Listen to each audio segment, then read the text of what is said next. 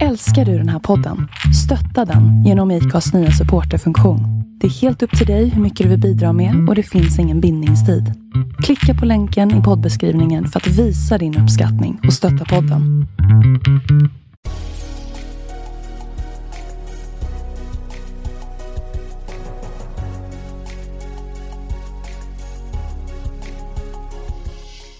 Välkomna till podden Vart är vi på väg? Med mig Jon Skoglund. Och med mig Jonathan Mellblom.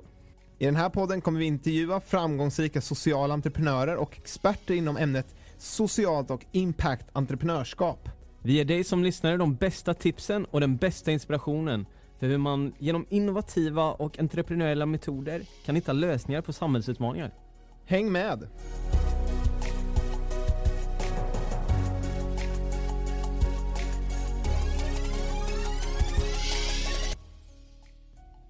Välkommen till dagens avsnitt av Vart är vi på väg? Så kul att ni är med och lyssnar och jag vill bara först påminna er att gå in och följa vårt nyhetsbrev. Varje vecka skickar vi ut de bästa tipsen och sammanfattningen från avsnitten. Och du får jättegärna gå in och likea oss på våra sociala medier och ge oss din feedback. Den betyder enormt. Men idag Jonathan, vem har vi haft med oss här i podden? Idag har vi haft Niklas Wallberg med oss eh, och ett mycket spännande samtal har vi haft. Han är Sverigechef på Reach for Change. Niklas han växte upp på en bondgård utanför Söderköping och eh, han har redan från början präglats av en mentalitet att här hugger man i och här hjälper vi varandra. Under uppväxten så var han också engagerad för andra människor genom att han var ledare på barnläger många år i rad. Ja, det här med barn och unga har verkligen varit en, ett ämne som har intresserat och engagerat honom. Och eh, efter gymnasiet så flyttade han till Australien och pluggade kommunikation.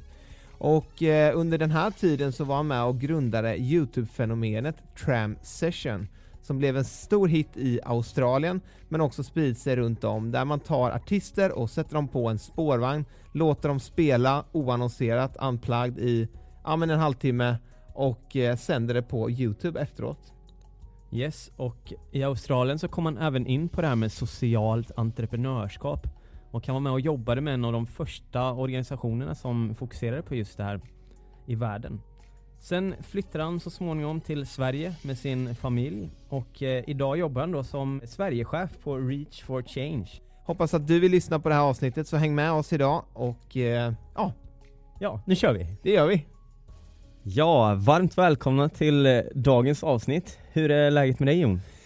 Det är bra med mig tycker jag. Det är skönt att vara tillbaka i studion. Som alltid det är fredagarna man ser fram emot att få intervjua massa spännande nya människor och bekantskaper. Ja men verkligen, det är ett grymt avslut på veckan här bara få eh, köra podd. Jajamän, och eh, idag sitter vi på Clarion Sign Hotel som vanligt och spelar in i den här fina studion. Eh, och blickar ut över parken och eh, vi har med oss Niklas Wallberg här idag. Hejsan! Välkommen! Ja men tack så mycket, det här ska bli mycket spännande. Hur ser en typisk dag ut för dig då Niklas? Ja just nu så har jag en sex månaders eh, eh, bebis hemma så att det är väl lite tidigare start än vanligt men säg att jag, jag går upp mellan eh, halv sex och sex eh, och sen så tar jag hänger lite med honom och fixar i ordning allt möjligt. Sen drar jag faktiskt till ett café, eller jag försöker göra det och börja dagen där och, lägga upp lite plan för att då kan man ta och lugna ner lite efter förskolelämning och, och hela den där balletten. Eh, och sen kommer jag in till jobbet, eh, kollar mejlen ordentligt på morgonen och sen så är det ganska mycket interna och externa möten egentligen under dagarna. Och så försöker jag ta eh, mitt på dagen och sen slutet på dagen att kolla av mejlen eh, för att försöka få någon sorts struktur i det där. Ja, så det är, väl, det är väl om man ska säga generellt. Har du någon tips där kring det här med mailstruktur? Jag läste häromdagen en artikel att vi lägger ofantligt många timmar per arbetsdag på just att kolla mail. Ja, jag försöker ta och stänga ner mejlen helt. Um, jag kan inte säga att jag lyckas jämt alltså. Men jag tror också det handlar lite om energinivåer och sådär. Så när man, när man tappar energinivåer då är det lätt att slinka in där och kolla. För det känns som man gör något även fast man tar det lite lugnt så att säga. Så att jag tror att det handlar om att eh, försöka se till att du själv har ordentligt med energinivåer och ta lite mikropauser och lite sådär. Mm. Eh, det kanske är det som är viktigare egentligen än, än eh, hur och när man kollar på mejlen. Har du några speciella rutiner som du försöker få gjort under veckan? Ja, på fredagar så brukar jag ta och sätta upp mål för, för nästa vecka då. Um, och de tre fokusområdena som jag, som jag ska ha. Uh, och sen så ibland där så blir det ganska mycket tydliga um, aktiviteter eller alltså så här klassiska ticka av saker som, som jag kan få till. För då kan jag känna mig ganska trygg när, när jag går på, på helgledighet. Uh, så det är väl en sån sak. Sen är det en del um, ja, men interna möten och se till att teamet vet vad de eh, bör göra, vad, vad de kan fokusera på, behövs det något hjälp, resurs och så vidare. Så det är väl mer av de så här generella delarna, tänker jag. Det här med att kunna koppla av typ på kvällar och helg och så här, speciellt nu när du har börjat bilda familj, är det viktigt för dig att kunna göra det? Ja, det är det. Det är jätteviktigt. Jag är ganska dålig på att eh, liksom ha jag, jag, kan inte hålla på med flera saker samtidigt. Eh, och jag vet inte om det är manligt eller kvinnligt eller vad det nu är, men för mig framförallt så funkar inte det riktigt. Så eh, jag försöker ta lägga ifrån mig telefonen när, när jag kommer hem eh, och sen så beror det på lite vad det är för någonting um, som jag ska göra dagen efter. Så ibland så sitter jag på kvällen och gör någonting. Men jag försöker liksom att um, stänga av och sen köra block egentligen. Så mm. att om jag behöver göra någonting då, då säger jag till och så säger nu börjar jag sätta mig med det här för då kan jag inte ha barn som springer omkring runt omkring för då känner jag mig som en dålig farsa, en dålig, mm. dålig Sverigechef. Ja precis. Ja men det är bra, live as you learn, man brukar säga. Men eh, om vi backar bandet, du eh, är ju inte från Stockholm. Nej, det kanske det hörs. Ja men det gör väl det va? Vart kommer du ifrån? Jag kommer från Söderköping, eller lite utanför Söderköping i Östergötland. Och så fort jag säger Söderköping eller Östergötland så hör man. Då blir det starkare. Jag, eh, när jag hör Söderköping så tänker jag på smultronstället. Ja. Ja, där har jag varit många gånger. En glassrestaurang i Söderköping. Så de eh, har jättestora kreationer. Alltså det, ja, det är något fantastiskt hur det ser ut faktiskt. Ja, jag kommer ihåg den här när jag var liten. Jag tror du och jag Jonathan var förbi där eh, i samband med någon resa och eh, vi köpte den här glasshinken. Jag tror det är så här åtta kulor och grädde och allt man kan tänka sig. Ni eh, mådde bra efteråt? Ja men absolut. Jag tror det var när vi var på klassresa i femman. Ja det var nog faktiskt det. Det är så länge sedan har vi hängt ihop. ja, nej, men det är härligt.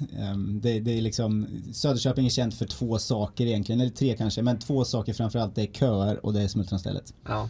Och Niklas Wallberg. Ja, ja, jo. Precis, efter idag så har vi satt dig på kartan för Söderköping också. Ja, just det. Ja. Eh, men eh, hur såg din uppväxt ut? Ja, men, um, jag, jag tror så här att jag kan jag kan dela in det i tre grejer egentligen. Så här, barn och unga är någonting som jag alltid har jobbat med. Dels på sommarläger eh, under lång tid faktiskt. Dels har varit ledare, eller um, deltagare själv och sen så ledare, sen lägerchef. Så gått liksom hela den där cirkeln. Så att jobba med barn och unga och hänga med barn och unga och liksom försöka förstå um, situationen som den specifika ungdomen har tycker jag är jättespännande. Så att det, det är kul med mitt nya jobb här nu då på, på Reach for Change att kunna kombinera det. Men Sen så den andra grejen tror jag att det är liksom en fras, varför inte? Och jag tror att den har tagit mig till eh, ja, men olika jobb. Det tog mig till Australien. Jag sa varför inte börja plugga där. Sen var, var jag där i sju år. Um, jobba med eh, inom militären. Eh, värnpliktsrådet heter det. Så någonting som jag aldrig skulle ha gjort annars. Jättespännande. Det var en sån här varför inte? Um, och socialt entreprenörskap och transession saker som jag skapat är liksom den här nyfikenheten, varför inte? Och för mig så ligger det lite i, um, i ordet entreprenörskap. Det är många som ställer den frågan tror jag av, av liksom entreprenörer som kör. Uh, och sen den, den, tredje, det kommer från uppväxten på bondgård tror jag. Och det är den här, det löser vi.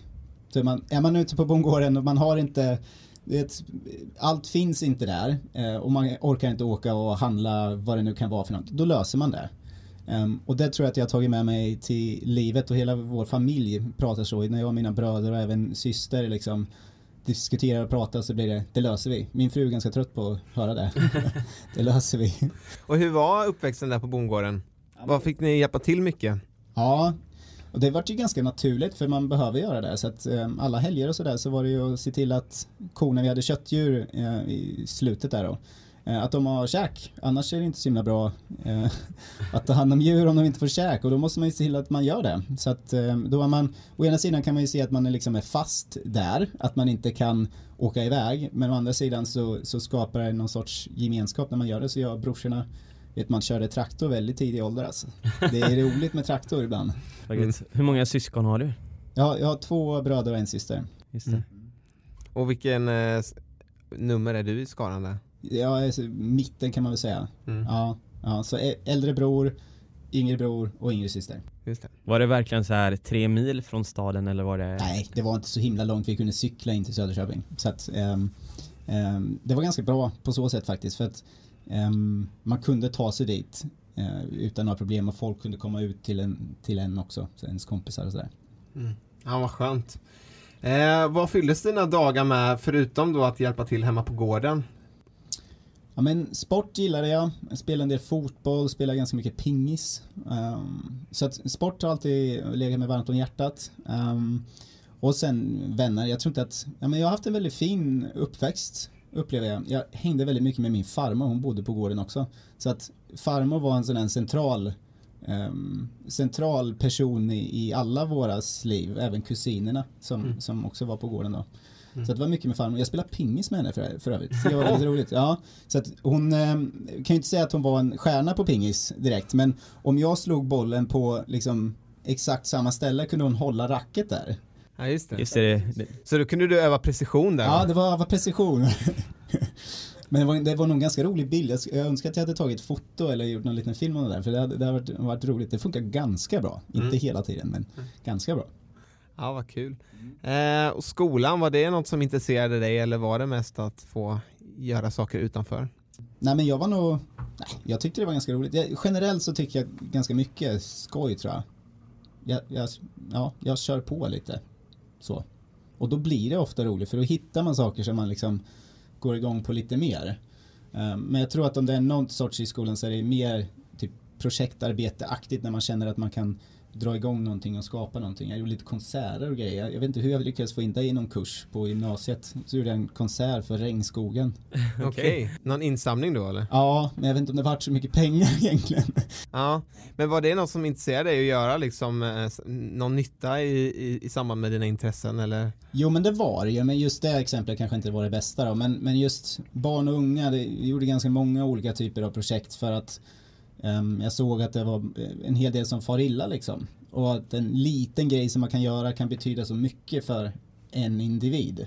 Och det såg jag inte minst på sommarläget när man verkligen hängde med de här barn och unga som en del på ytan hade inga problem överhuvudtaget men skrapar man lite ehm, vi var med dem nästan i fyra veckor emellanåt, de som var fem, upp till 15 år. Då. Det är ganska mycket eh, tunga saker som händer i familjer liksom. Allas familjer, alla har något, något skräp i familjerna eh, och det här var ett väldigt bra sätt att fånga upp det på och jag tror att ge en, liksom en bra start på vuxenlivet också och ta tag i det ganska tidigt som 15-åring istället för att vänta tills man är 40 liksom.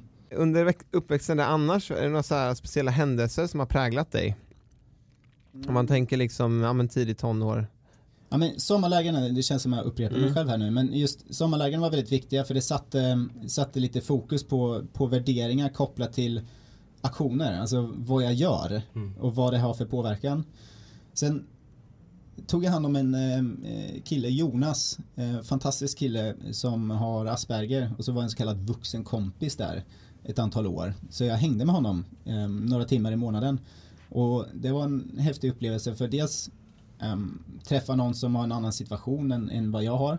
Ehm, men också se, försöka hitta personer bakom olika typer av diagnoser och, sådär. Så jag lärde mig ganska mycket av det förutom att det var roligt att hänga med Jonas liksom. Um, så, så där präglar vi mig eh, en hel del men sen tror jag liksom att man växer upp på bondgård och att man hjälper varann. Så det kunde ju vara allt ifrån att hjälpa till på bondgården men det var ju också så att när när storebror gick ut i stora staden Norrköping, ehm, då fanns det ett ställe som hette Otten, det har bytt namn nu, massa gånger tydligen um, på nattklubb, då kunde han ringa klockan tre fyra på morgonen och så, så eh, ja men då gick jag upp och körde dit och hämtade honom liksom. Och det var så självklart för mig och det var så många andra sådana saker som vi gjorde i vår familj så. Jag tror att det har att göra lite med, med bondgårdsmentaliteten någonstans. Ehm, så det, det har jag verkligen burit med mig. Ehm, även om jag inte alltid har vetat om att jag har burit med mig det. Mm. mm. Ja, men jätte, jättebra det här och just det som du säger att kunna vara kontaktperson för någon person. Så vi hade ju med Kompis Sverige här för Mm. tidigare och de jobbar just med det här med, just med integration- då, att få med eh, etablerade svenskar som eh, hjälper nya svenskar att eh, komma in i samhället. Precis, de är med i vår inkubator. Ja, Ja, ja, ja men de Just är, det. de är grymma. Så det, ibland behöver det inte vara så komplicerat. Jag, det är det jag gillar med deras koncept liksom. Att säga, ja men vi, möter, vi låter folk mötas. ja precis och det blir inget extra antagande utan det blir bara en, en ny kompis som hänger med på det du gör liksom. Vad har du för erfarenheter från eh, att hänga med Jonas till exempel här? Ja, men det är en grej som jag brukar ta med mig. Det var så att vi, mitt, ett av mina stora mål var att ha med honom på vanliga grejer och liksom kunna hänga. För att det är en av de utmaningarna som många har med de här diagnoserna till exempel. Ehm, så vi ska göra vardagliga grejer och en, en grej var att laga mat. Han gillar att laga mat liksom. Så då, vi lagar mycket mat. Och då stod vi i köket i vår lägenhet och sen så, så stod jag och hackade eller någonting och så sa jag, men Jonas kan du ta och hämta korven i kylen? Och då sa han, ja. Och så gjorde han ingenting. Och så, jaha men det här var ganska tidigt också i vår relation liksom. Så att jag ville inte, ja. Så jag frågade honom igen så här, Jonas kan du hämta korven i kylen? Så, ja. Och så stod han kvar. Så tänkte men vad är det här för någonting? Hur ska det här gå? Så här, kan du hämta korven nu? Ja. Och så gick han och hämtade den då. För då sa jag ju nu. Annars frågade jag ju bara om jag kunde hämta korven. Det kunde han ju. Det var inga konstigheter. Så man märker hur otydlig man är själv. Bara för att man tror att mottagaren fattar. Och det där, jag kan ju inte säga att jag har blivit jättebra på det. eh, Men jag försöker. För att vi är väldigt otydliga generellt. Du eh, tycker om kommunikation? Ja, ja, men jag pluggar ju kommunikation och har jobbat med det en hel del. ehm, Och tror väldigt mycket på ehm, vikten av kommunikation för att kunna göra världen bättre. Ehm, Så att ehm, det ligger ett ansvar hos den som försöker säga att den gör världen bättre. Lik- Alltså det är ett ansvar för mottagaren också men jag tror att i början så gäller det att verkligen försöka ehm, utnyttja möjligheten att kommunicera på bästa sätt. Så att jag, jag pluggade kommunikation i Australien, um, jobbade en del med politisk kommunikation um, lite senare um, och så vidare. Så att jag jobbar på reklambyrå um, i Melbourne i Australien. Så att ja, det har också varit en liten röd tråd, Mm. tänker jag, i min karriär. Var det ett självklart val att börja plugga kommunikation eller hade du andra trådar liksom som du Ja, men det, var Var inne på. inte, det var inte självklart, men jag var eh, Jag nämnde den här organisationen Värnpliktsrådet, nu heter det Pliktrådet då, men det var när Sverige hade värnplikt, nu är värnplikten tillbaks igen, Mm. men när den hade det och då kanske det var, jag tror när jag var med så fanns det kanske 10 000 värnpliktiga. Då fanns det en med, medinflytande organisation, så nästan som ett fackförbund kan man säga. Så att ehm, för alla de här 10 000 då ehm, så valdes det ut sju stycken representanter som skulle ta och representera Eh, alla de här värnpliktiga, se till att rättigheterna följs, se till att förutsättningarna är bra och så vidare.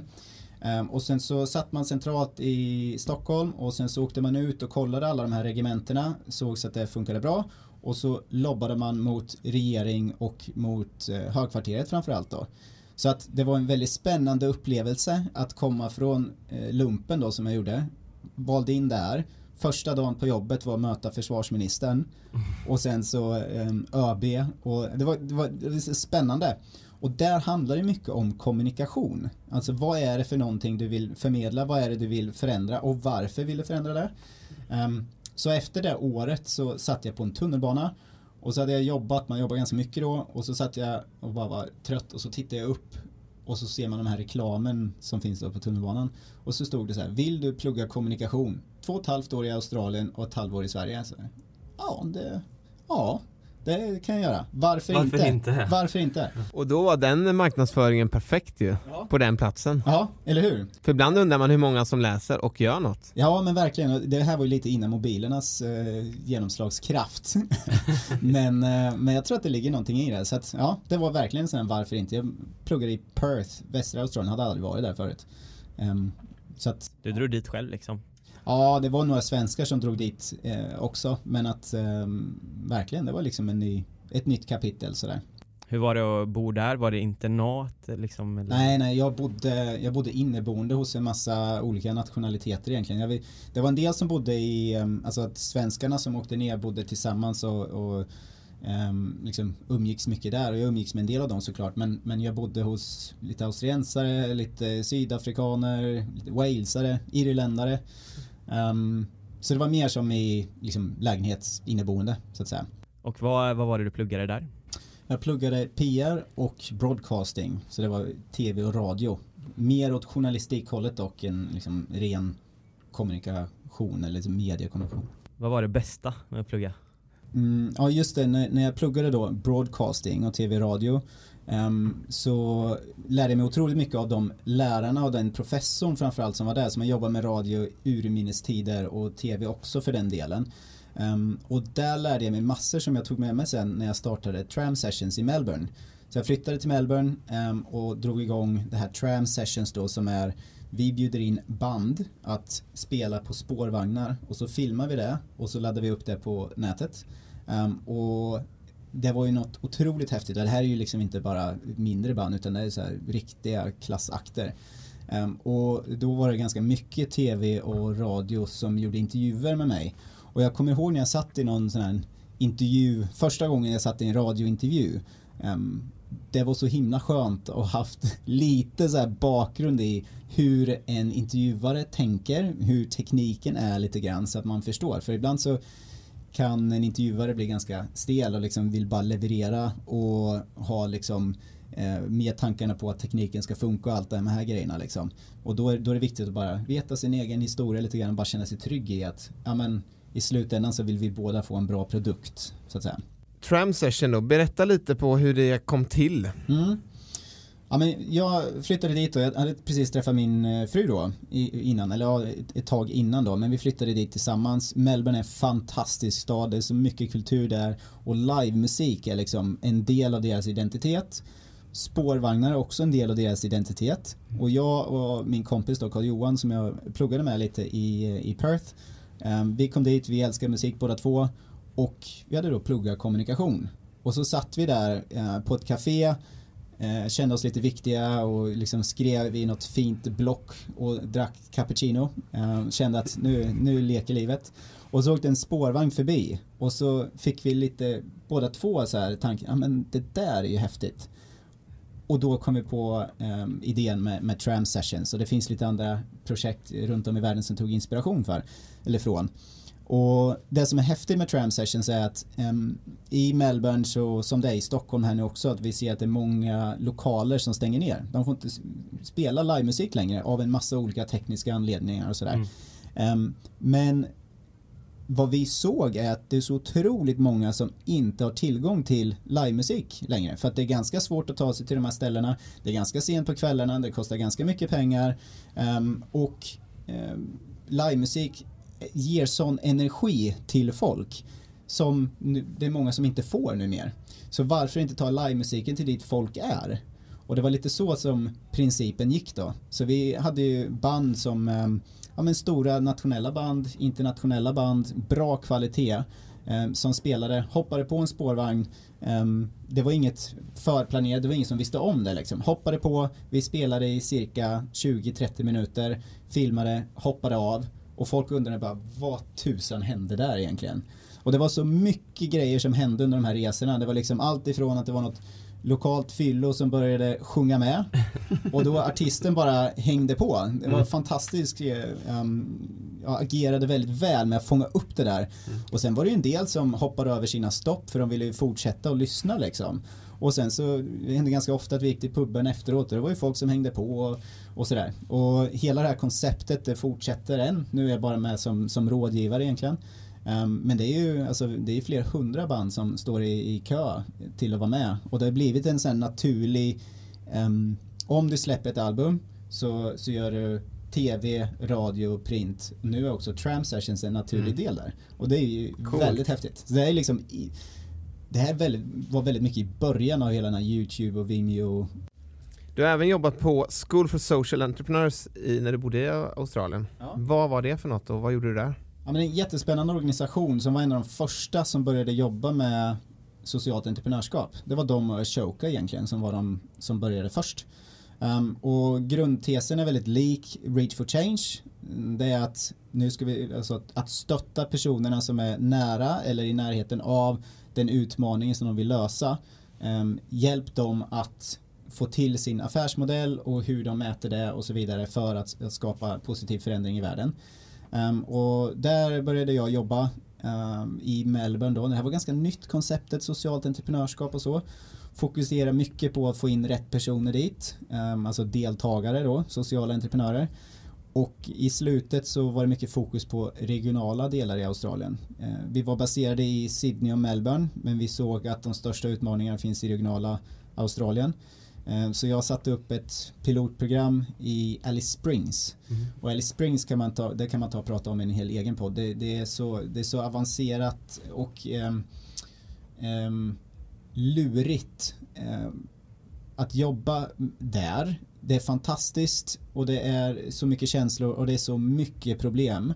Eh, och det är så mycket som bottnar i väldigt otrevliga och tragiska livsöden. Um, så grundtanken var att men nu tar vi de som faktiskt vet vad de snackar om, inte någon som kommer externt och ska ta och fixa problem åt andra. Det har de försökt massa gånger och lagt in massa pengar där men eh, det tas inte emot eh, på rätt sätt. Så där jobbar jag mycket med hur tar vi och lyfter den här eh, regionala delen av eh, Australien. Jättespännande. Det där tycker jag låter jättespännande just att eh, väldigt många hade försökt utifrån att göra saker och det inte funkar. Och det tänker jag är ett ganska vanligt fenomen när man vill göra gott eller när man ska göra grejer. Att man, ja, men det är ju som ett företag, liksom, man ska expandera. Det har vi hört flera entreprenörer som har varit här och prövat att liksom gå utomlands, att man bara kör på samma grej. Eh, men det här då när det är mer mjuka värden, att det här med relationsbyggande och sånt, det är avgörande för att du ens ska kunna komma in i området. Vad, vad har du för erfarenhet av det, av det jobbet? Liksom?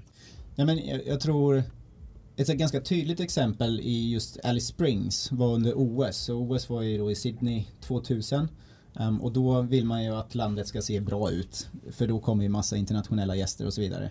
De köpte en massa hus och bilar åt um, den aboriginska befolkningen um, för att försöka lyfta deras standard. Så goda intentioner och så vidare. Um, och de här husen vart ganska snabbt, um, alltså det, det såg riktigt illa ut. Um, och det, är, det, här är en, det här var en befolkning då, nu är det fortfarande lite skillnad, som inte har, alltså det är nomader. Det är, det är inte alls samma livsstil, eh, den kulturella delen av vad man ska ha, vad man ska äga, inte alls samma. Eh, så att det vart liksom en clash och det gjordes ingen koll på det där innan ordentligt. Um, så att det, det, finns en otrolig um, misstänksamhet mellan aboriginska befolkningen och uh, staten. Um, och det kommer ta jättelång tid att bygga upp. Så har man inte respekt för det och tiden det kan ta, um, då, då kan man skapa, uh, göra mer skada än nytta. Mm. Och det ska man ha respekt för. Har du något exempel på något projekt som ni gjorde där? Ja, det, det, är en organisation som jag eh, vill lyfta upp som jag tycker var fantastisk. Um, så de jobbade med aboriginska kvinnor då framförallt um, som hade, alltså de gjorde olika typer av produkter för sin familj och för sina nära och kära.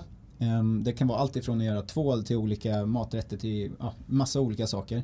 Ehm, och det hjälpte den här entreprenören till att paketera och få till en ny, ny kund mer köpstark kund och på så sätt lyfta upp den, dels den traditionen och vara stolt över den traditionen som finns i den här Eh, i de här, en del av de här stammarna. Då. Eh, och eh, det var väldigt lyckat och det skapade ringar på vattnet. För det är inte bara om att få den här finansiella hållbarheten, det handlar också om att bygga en stolthet just i den här målgruppen då.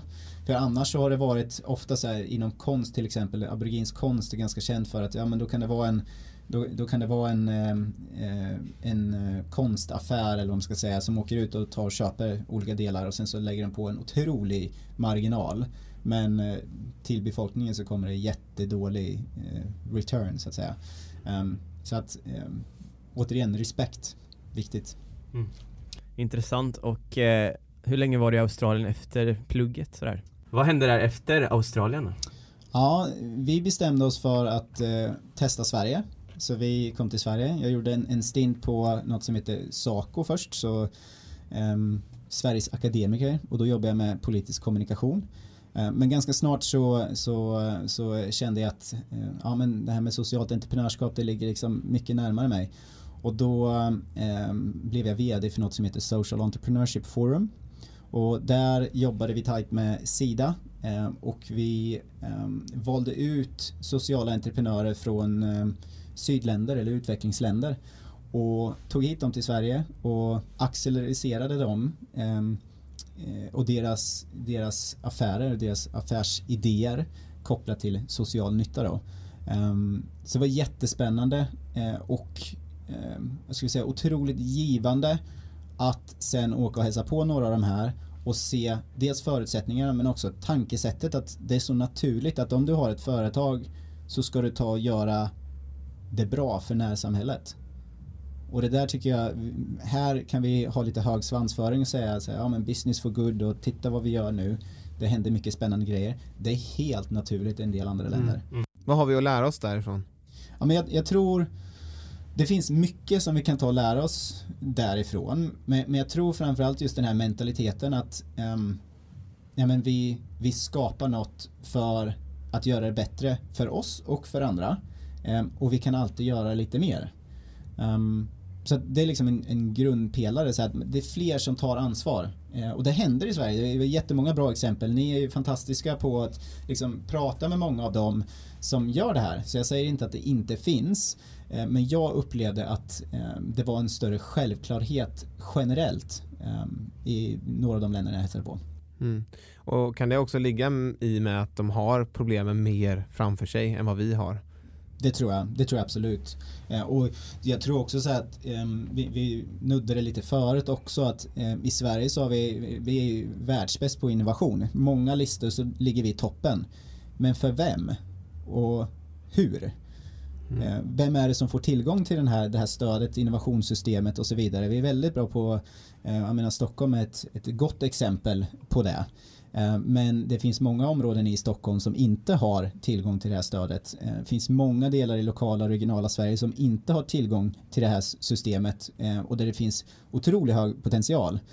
Så det är någonting som vi på Reach for Change verkligen försöker fokusera på. Ehm, att, att titta på den. För det är faktiskt de som ligger närmast många av de här stora utmaningarna som vi har i samhället idag. Om vi glider in då på Reach for Change som du jobbar på idag, som du har jobbat på ett år Eh, som Sverigechef. Eh, vad är det ni gör? Så vi, vi, har identifierat då att barn och unga i Sverige och globalt far illa. Det är miljontals barn som, som har det riktigt tufft eh, och det är en ganska stor fattigdom. Eh, men vi ser också att det finns personer individer alltså och organisationer som arbetar för att förbättra för barn och unga men att verktyg och stöd eh, inte finns, det finns inte tillgång till det för de här personerna och det är där Reach for Change kommer in. Så vi tar och ger dem en del finansiering eh, men framförallt så ger vi kapacitetshöjande stöd eh, inom finansiell hållbarhet, effektmätning och förstå om din lösning verkligen eh, skapar den här nyttan som, som du hoppas att den gör. Ehm, och sen så är våran, eh, våran målbild att de ska ta och skala den här effekten då. Ehm, så att genom att hjälpa de här sociala entreprenörerna så tar vi och hjälper miljontals barn eh, och unga i världen. Så hittills har vi, så har vi hjälpt ungefär 4 miljoner barn och arbetat nära eh, tusen sociala entreprenörer globalt. Mm. Och hur var det här grundades och av vem? Så det var tillsammans med Kinnevik som är en medgrundare och en eh, barnrättsaktivist, Sara Damber som också startade Friends. Mm. Så de, de, satte sig ner och sen så funderade på hur ska vi liksom kombinera den här entreprenörskapskompetensen och eh, styrkan inom Kinnevik-sfären som är ett investmentbolag. Då. Um, och hur kan vi koppla det till att göra social nytta? Och då knåpar de fram Rage for Change Um, så att det, nästa år är tio år som, som Reach for Change har funnits. Så att det är en av de äldre, alltså de som började i Sverige då, um, som började arbeta med socialt entreprenörskap uh, tidigast. Mm. Och hur kan man komma i sam, eh, kontakt med er och komma in i ert ja, verksamhet på något sätt då? Mm. Så vi har, eh, jag tror, bästa sättet är att eh, bara googla Reach for Change mm. och kolla på hemsida och våra sociala Eh, kanaler då. Ehm, men sen så har vi varje år en intagning så vi har en ansökningsprocess ehm, där vi tar och letar efter hög potential eh, hos sociala entreprenörer som har effekt på barn och unga. Ehm, och just nu så har vi valt ut, inte helt officiellt än, men vi har valt ut tio stycken nationellt som arbetar med barn och unga som kommer gå en så kallad förinkubator, så ganska intensivt fyra dagar nu i höst Eh, och från det så kommer vi välja en till tre som går in i en inkubator som är vår huvudverksamhet. Och det är alltså ett år med, med det här kapacitetshöjande stödet, eh, en del finansiering. Ehm, och sen så varje år så är det ett återinvesteringsbeslut. Så att i genomsnitt så är man med i inkubatorn i tre år. Men det beror på framförallt matchningen. Alltså känner vi att vi kan ge dig som social entreprenör tillräckligt med, eller rätt typ av stöd, det du behöver just nu. Och den personen måste också leverera mot vad vi anser är liksom bra mål så att säga. Så det handlar mycket om matchningen där. Mm. Det där är grymt. Men vad är det ni letar efter när ni har de här ansökningsperioderna? Ja. Vad är det ni liksom vill se hos den sociala entreprenören? Ja, vi har ganska många olika typer av kriterier men jag tänker att om man, om man ska ta och koka ner det en otroligt viktig komponent det är liksom personen och teamet. Så det, det hör man ju från alla olika typer av investerare om det nu är mer klassisk affärsinvestering då. Så personen och teamet otroligt viktigt. Eh, men för oss då som är kanske lite, lite annorlunda då mot, mot vanliga klassiska investeringar så tittar vi också på den lösning som de har och försöker förstå den här resultatkedjan. Så om de menar på att den här aktiviteten gör ger den här effekten, då bör vi försöka utvärdera den. Och vad är det som säger att det är det verkliga problemet? Så titta på statistik och försöka förstå problemet och framförallt utmana dem om de förstår problemet. Um, så dels det och sen så tittar vi då på affärsmodellen som, som de har och ser vart har vi potential där och, och hur kan vi ta och um, vara med och skruva på den. Mm. Så det är viktigt just det här att eh, entreprenören verkligen tacklar ett eh, reellt problem och inte bara skrapar på ytan på någonting. Ja, ja. Vi, vi, har en, ett verktyg som vi kallar problemträd och det handlar om att liksom förstå rotorsakerna av problemet. För annars kan det ta och liksom plåstra på runt om. Men vi vill försöka utmana våra sociala entreprenörer att verkligen gräva och hitta de här rotorsakerna. Då. För det är då vi tror också att vi kan få större effekt och det är det som vi är ute efter. Är det några särskilda andra krav liksom? Jag tänker, är det bara ideella föreningar eller kan det också vara företag som ansöker till det? Det är, eh, det är lite blandat. Det finns en del tekniska regler men en del har hybridmodeller. Um, så att uh, det kan vara ideella föreningar uh, som sen äger ett bolag till exempel eller ekonomiska föreningar och sådär. Så, så det, är, det är ganska öppet. Men framförallt vad, vad jag försöker trycka på där är att behöver vara den form som hjälper dig att lösa det problemet mm. du försöker lösa. Um, det blir lätt att man tittar på form före lösning mm. och det kan också bli lite tokigt. Ja, det är väldigt spännande för vi hade en intervju här för ja, ett par avsnitt sedan där vi just diskuterade det här med eh, Go Climate Neutral och just hur de drivs som ett aktiebolag. Men det är ju ändå med medlen är ju från människor, det är insamling liksom egentligen och hur de då valde att ja, göra en full transparens i sin affärsmodell där de visar vart varenda krona går. Och det beror ju just på att de kände att en ideell förening var inte bäst för deras verksamhet för att de skulle skala upp och växa liksom, utan då var aktiebolag rätt. Ja. Men då vill de ändå visa sina, eh, de som sponsrar då, att ja, men vart landar pengarna någonstans. Och då kommer vi tillbaks till kommunikation igen. Mm. Eh, och det blir ju otroligt viktigt. Mm. Jag tror att man ibland så kan man skydda sig bakom att vi är en ideell förening, men det behöver ju inte betyda att du gör något bra. Mm. Så att Eh, ja, men det, jag lyssnade på den podden. Jag tycker att eh, det är väldigt kloka tankar. Det, det, ska bli väldigt kul att följa den delen. Mm, ja men verkligen. De är i startgroparna fortfarande men de kör ju en ganska expansiv, ja, en ganska offensiv ex, eh, expansion just nu då. Eh, när ni mäter impact och faktiskt hur ni, eh, hur ni lyckas så vi har pratat med flera andra just det att ja, men, traditionellt så är det pengar och man ska ha vinst och allting men hur mäter ni eran impact? Um, ja, så vi, vi har några först traditionella KPI som vi möter, mäter hos våra entreprenörer. Så det, det, det, handlar om omsättning, det handlar om vinst, det handlar om hur många barn och unga de, um, de når och så vidare. Så det är ganska enkla siffror liksom. Det är så här basen tänker jag. Men sen är det framförallt två saker som vi mäter. Så det ena är um, hur progressionen går för de sociala entreprenörerna. Um, och där har vi fem områden som vi jobbar med. Så till exempel då effektiv lösning, eh, finansiell hållbarhet, ledarskap och team.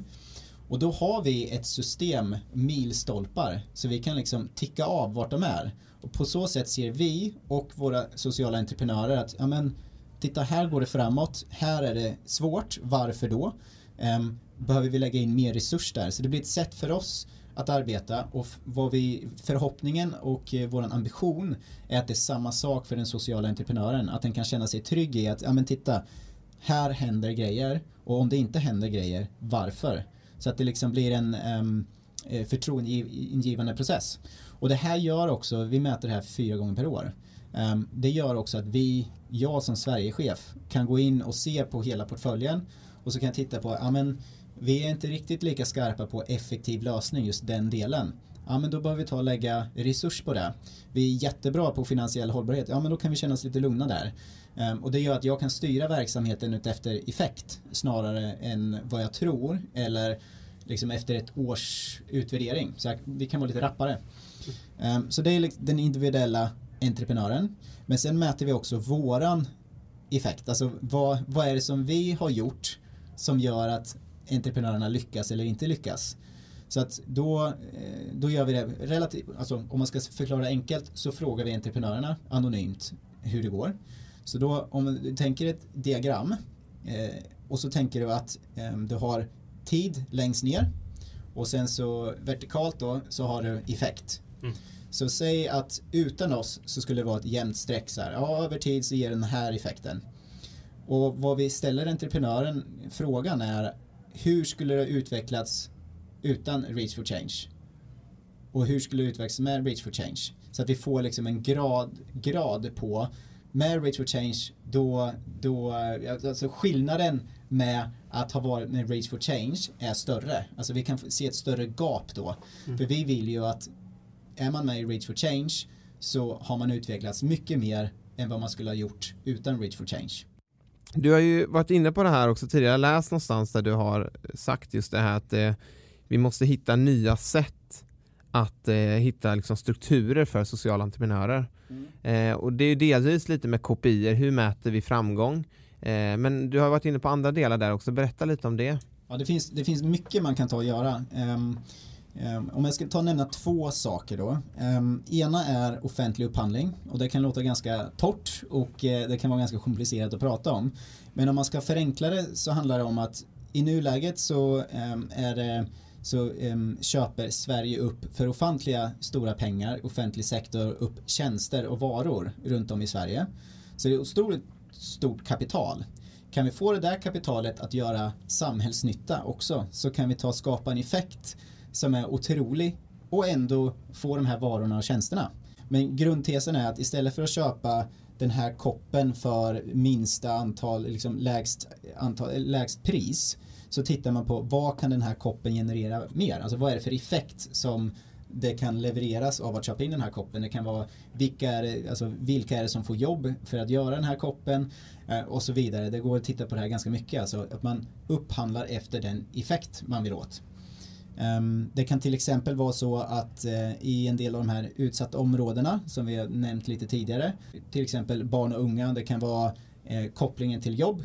Om man förstår det problemet man har så kan man också skriva en upphandling om vi vill åt den här effekten och då kan folk upphandla efter det istället för att man pratar om en aktivitet utan man, man letar efter effekten som man vill åt. Det är lite komplicerat, jag eh, vet inte om jag förklarar det på bästa sätt där men, men eh, där finns mycket potential just i offentlig sektor då. Mm. Har det här fått genomslagskraft? Eh, inte än, det har, det har börjat ehm, i vissa kommuner ehm, och ja, det kommer hända mer där. Ehm, Så det är liksom offentlig sektor och sen så finns det också privata sektorn. För det är samma sak där, att de upphandlar ju varor och tjänster också. Um, och det har startats någonting nu som heter National um, Advisory Board for Impact Investing och där sitter jag med som representant för Bridge for Change då. Uh, och det i grund och botten handlar om så här, det kapitalet som finns i samhället idag, hur kan vi använda det kapitalet till att också göra samhällsnytta och förenkla olika strukturer för det. Uh, så där jobbar vi, um, där sitter både privata och offentliga aktörer med för att försöka ta och hitta lösningar helt Mm. enkelt. Och där jobbar ni lite mer med påverkansarbete. Ja. Så det är det som är syftet med Ja men precis, för att vi, jag menar våran grund um, våran grundverksamhet handlar om att bygga de här sociala entreprenörerna och organisationerna. Men om systemen runt om dem inte är tillräckligt bra, då ger inte vårt arbete lika mycket effekt. Och det är effekten vi vill åt hela tiden. Eh, jag är lite intresserad av det här. Då måste jag ha träffat väldigt många sociala entreprenörer genom dina år och också det här året på Reach for Change. Eh, och jag tror att många entreprenörer brottas med att hitta en eh, finansiell hållbar eh, modell på hur man ska driva sin förening eller sitt företag. Har du något tips där? Vad man ska tänka på? Ja, det finns väl ingen sån här riktigt så här magic bullet. Ehm, utan allt beror på lite vad det är för någonting du vill lösa. Men jag brukar förklara det som, ehm, som så här att företag generellt i privata sektorn är grymma på att förstå sin kund. Och förstå sitt värdeerbjudande och, och, och hela den delen. Den sociala sektorn, ehm, de som vill lösa ett problem, de är ofta grymma på att förstå sin målgrupp och vad är det för någonting de vill lösa. Och det är där vi försöker kombinera med Rage for Change. Um, så att de två, kan man förstå de grejerna, alltså vad är det för någonting, vad är det för någonting som du vill um, förändra för din målgrupp? Men också, vad är det för någonting du egentligen säljer? Och förstå värdet för din kund. Alltså det är inte alltid som att, eh, att det är målgruppen som är kunden, ofta så är det inte det eh, för en social entreprenör. Men att verkligen grotta ner sig i det tror jag är otroligt viktigt och då, då betyder det att testa. Alltså vara ute och försök. Um, jag tror att det är någonting som man gör alldeles för lite generellt. Att man är ute och testar. Men finns, dels finns betalningsförmåga hos kund men framförallt finns betalningsvilja. Um, och verkligen utvärdera den. Det är lätt att fastna i målgrupp tror jag ibland. Har du något exempel på företag som ni har arbetat med som eh, har stött på de här utmaningarna och kanske vridit om något för att det ska funka? Ja, det finns många exempel men jag, jag tror att vad, vad, som är intressant nu, vad som pågår i, i Sverige handlar om eh, offentlig sektor då, och kommun framförallt. Och kommun som marknad. Så Eh, alltså man skulle nästan kunna säga att 80% av eh, sociala entreprenörerna har, har kommun eller offentlig sektor som, som kund. Då. Ehm, och då behöver man förstå kunden och kunden behöver förstå, förstå vad det är den försöker att lösa för problem också. Ehm, så att vi, till exempel så har våra, några av våra sociala entreprenörer, de har suttit med en av våra partners, Kvarts, eh, som är konsultbyrå, som har formerat team ehm, och jobbat med Eh, några sociala entreprenörer om just sitt värdeerbjudande framförallt mot offentlig sektor då. Och då handlar det om att förstå Eh, hur du paketerar det men det handlar ju också om att förstå kommunen. Eh, vad är det för någonting de egentligen försöker ta och lösa? Um, så det är jättespännande arbete som pågår. Mm. Ni väljer ut tio stycken entreprenörer som får verkligen komma in i er inkubator och få hjälp att förstå vad de kan göra bättre och så vidare. Men har ni också några resurser eller har du några tips på resurser för andra som inte lyckas komma in i er inkubator? Mm. Vi håller på att utveckla lite verktyg och ta fram eh, mm. tillsammans med Vinnova faktiskt. Um, och då är ambitionen att um, sprida dem utanför Race for Change inkubator också. Men, men jag tror eh, generellt så har jag sett att många entreprenörer kan leta efter det perfekta verktyget. Man vill ha det senaste, det bästa. Ehm, och det kan sätta en tillbaks lite grann tror jag. Jag tror att börja med en business model canvas, någonting som är relativt vedertaget. Ehm, men sen, ehm, eller social business canvas då som är, titta på målgruppen också då. jag tror att börja där och komplicera det inte. Och sen ut och prata. Jag, jag, jag tror verkligen mycket på det. Speciellt då när man pratar tidigt skede. Och det här med skalbarhet, är det någonting som ni tittar mycket på? Ja, och, och, när vi pratar om skalning så pratar vi om skalning av effekt. Um, en del organisationer um, behöver inte skala organisationen för att få den effekt de är ute efter. Um, så det är någonting som vi tittar på i urvalsprocessen, alltså potentialen för skalning. Vi vill att de ska må, nå um, största delen av sin målgrupp. Um, så om du tar och din, om din målgrupp är ensamkommande barn och unga till exempel då kan vi ta och titta på hur många är det totalt och hur många är ambitionen att nå. Reach for Change, hur ser ni er om tre år framåt? Jag skulle vilja säga att det är framförallt två saker. Ehm, dels så vill vi jobba mer ehm, där de största problemen är. Så utsatta områden och regionala, lokala Sverige. Eh, och titta på hur vi kan sammankoppla existerande eh, ekosystem för sociala entreprenörer. Det händer en hel del i, i Sverige idag. Eh, och där vill vi vara med som en part och liksom hitta våran och andras roll så att vi kan få ett så optimalt system som det går. Ehm, och sen ehm, eh, andra delen handlar mycket om partnerskap. Så vi har haft stor erfarenhet att jobba med privata sektorn. Ehm, jobba med sådana som, som Kinnevik till exempel eller Kvart som jag nämnde då. Och där vill vi ta och utveckla. Vi ska vara världsbäst på, på partnerskap. och där till exempel så, så ser jag en stor potential i, vi har gjort en undersökning när man, där vi har frågat svenskar ehm, om de känner att de vill genom sitt arbete bidra till en bättre värld. Och vi har 88% som svarar att de vill det. Um, och där finns en enorm potential.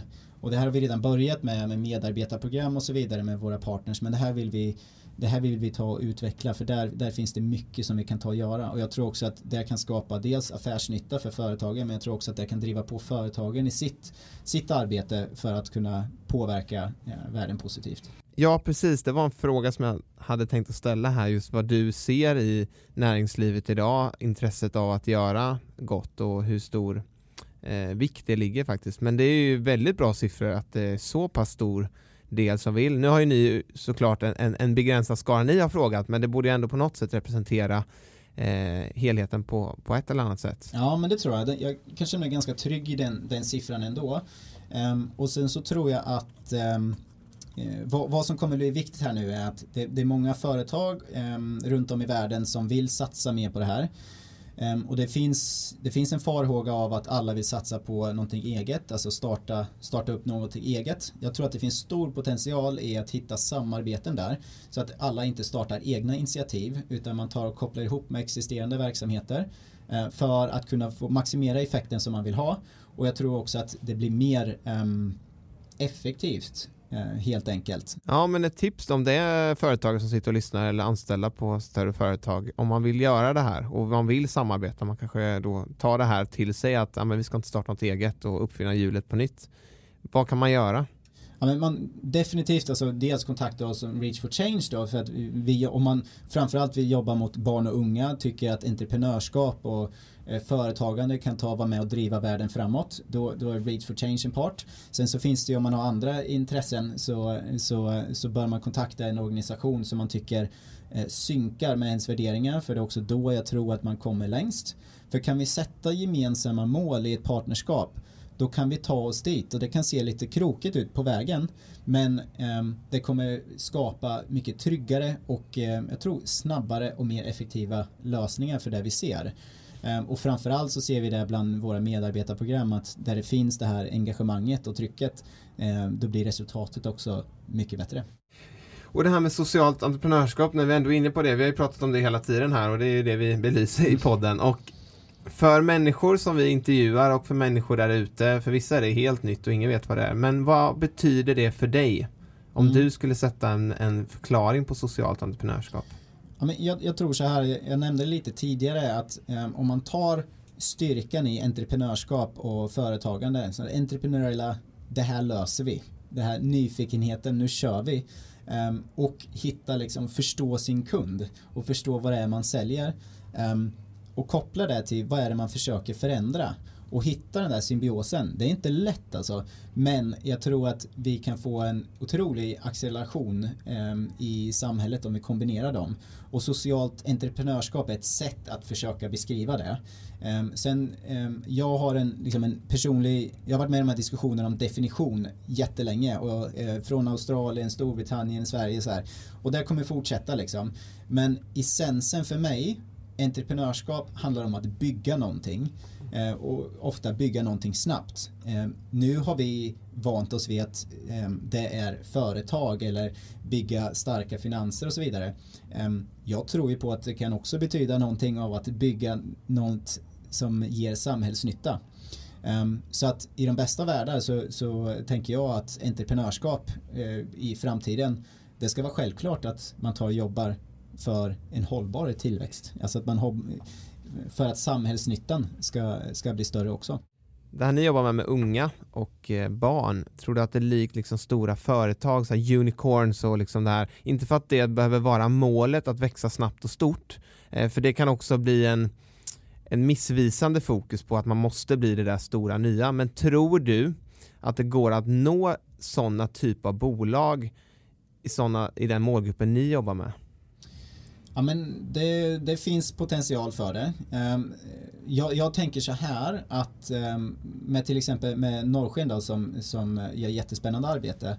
Ehm, jag välkomnar verkligen att de har tagit med sig en hel industri eh, på så sätt, liksom en, en sektor då, framförallt techsektorn, att tänka på ett annat sätt att göra affärer. Det, det tycker jag är jättespännande.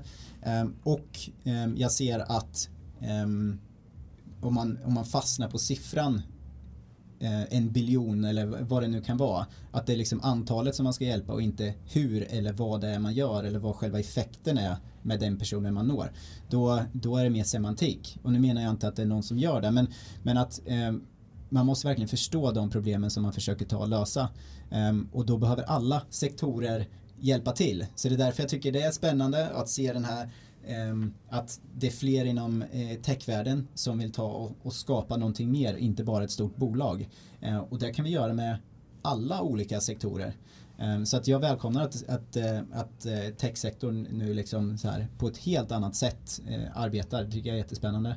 Eh, och jag tänker att ehm, det finns fler sektorer som vi kan arbeta med. Mm.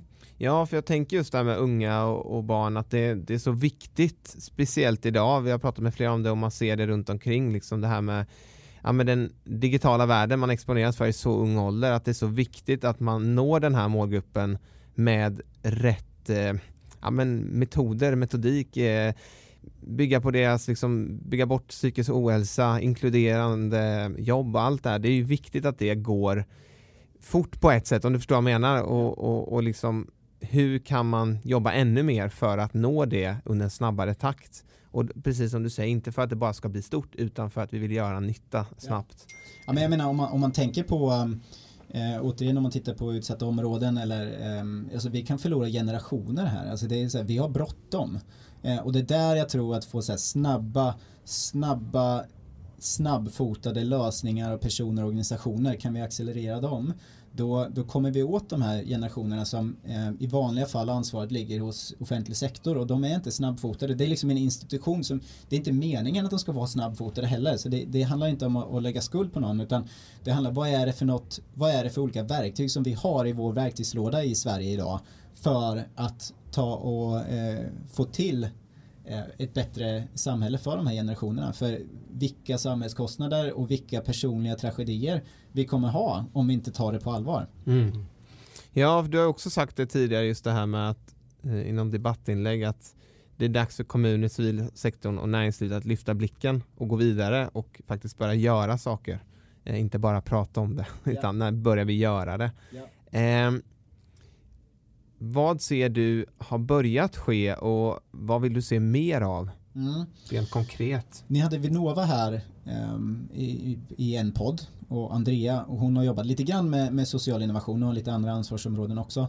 Um, jag tycker att det var ett, det är ett intressant um, eh, vad ska man säga, en satsning som de gör, som är i liten skala än så länge.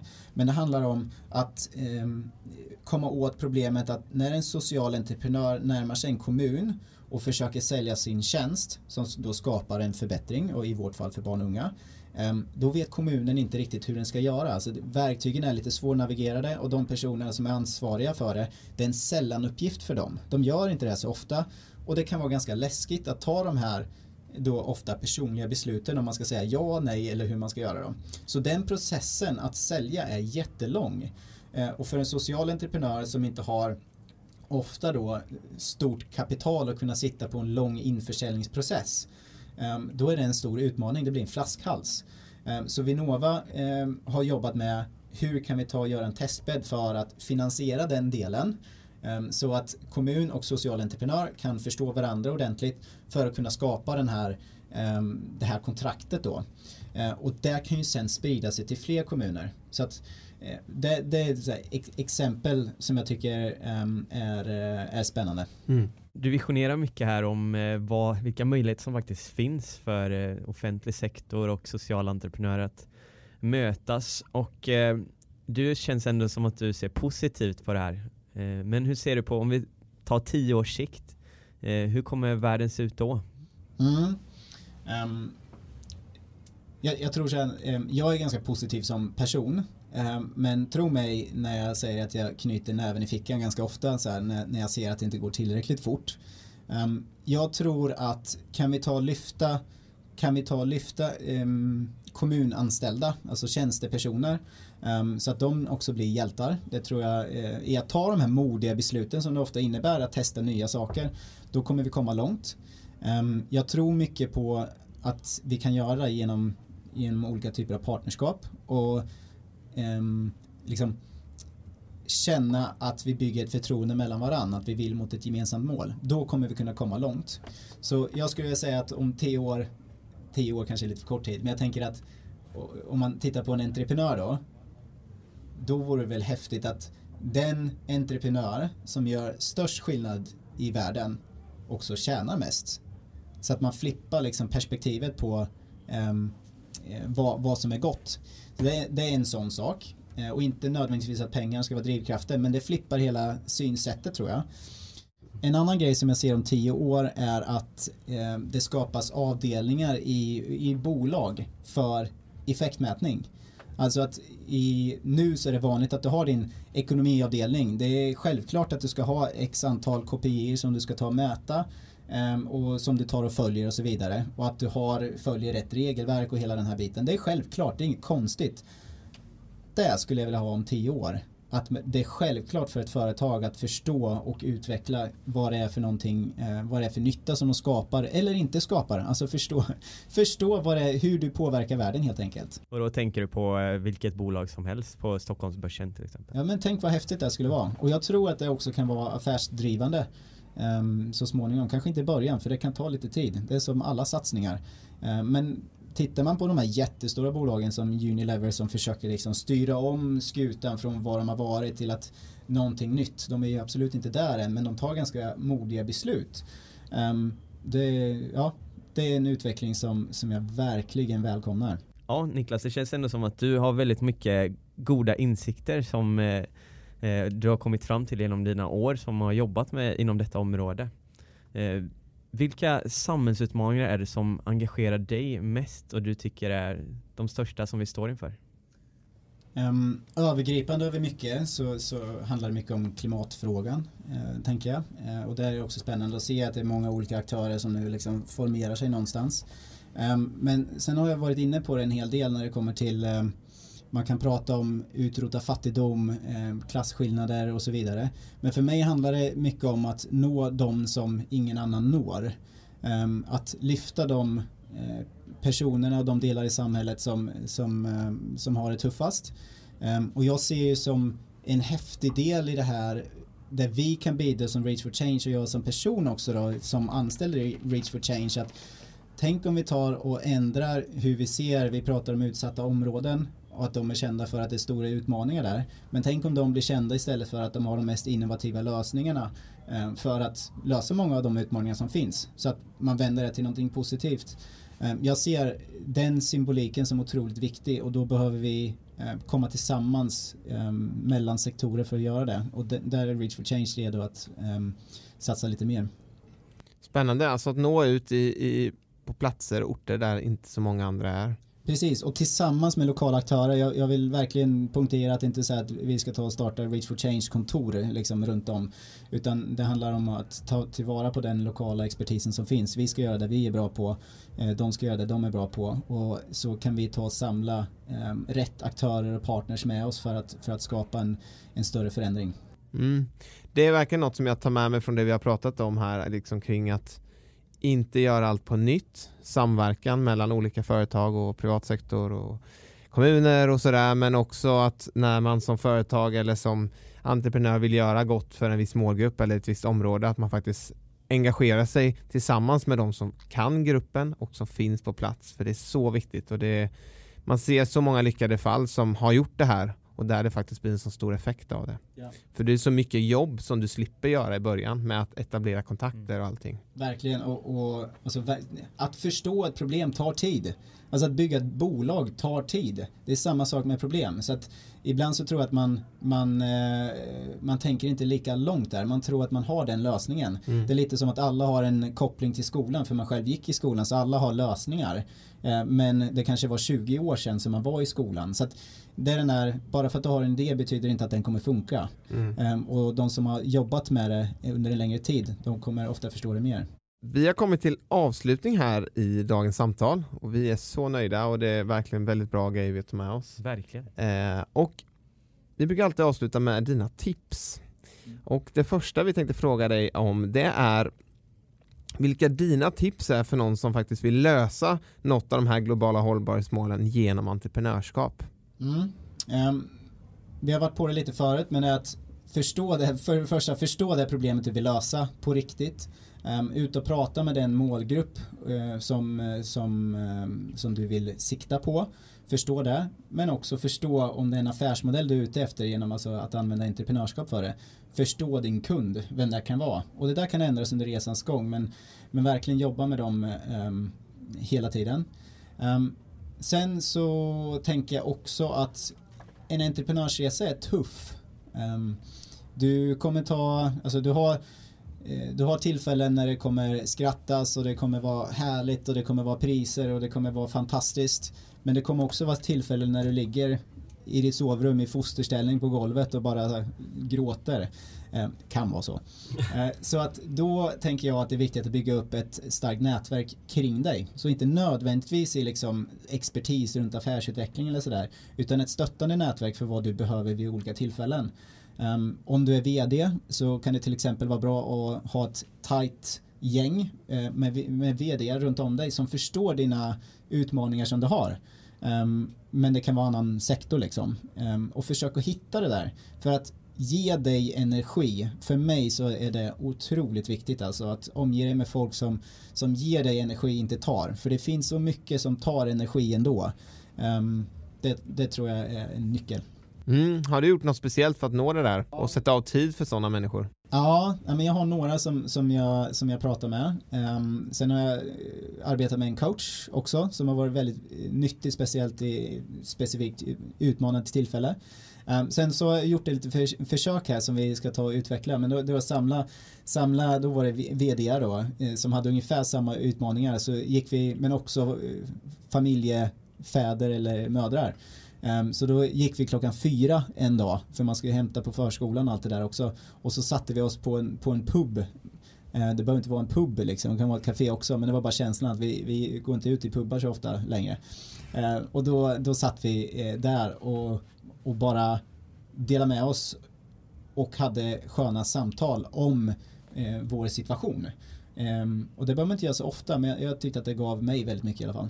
Mm. Ja, spännande. Och det är folk som är lite inom din sektor och med, med lite Ja, med det- socialt samhällsengagemang på något sätt? Eller? Ja, precis. Men det kan också vara kan vara andra sektorer också. Mm. Jag tror att det handlar mer om att så här, lita på personerna. Mm, just det. Ja.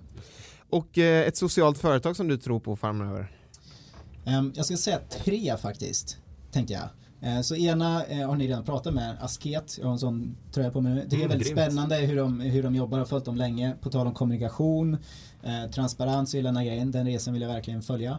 Um, sen har vi ett eh, alltså australiensiskt bolag som jag tycker är jätteroligt som jobbar också åt kommunikation blir en röd tråd märker jag här nu.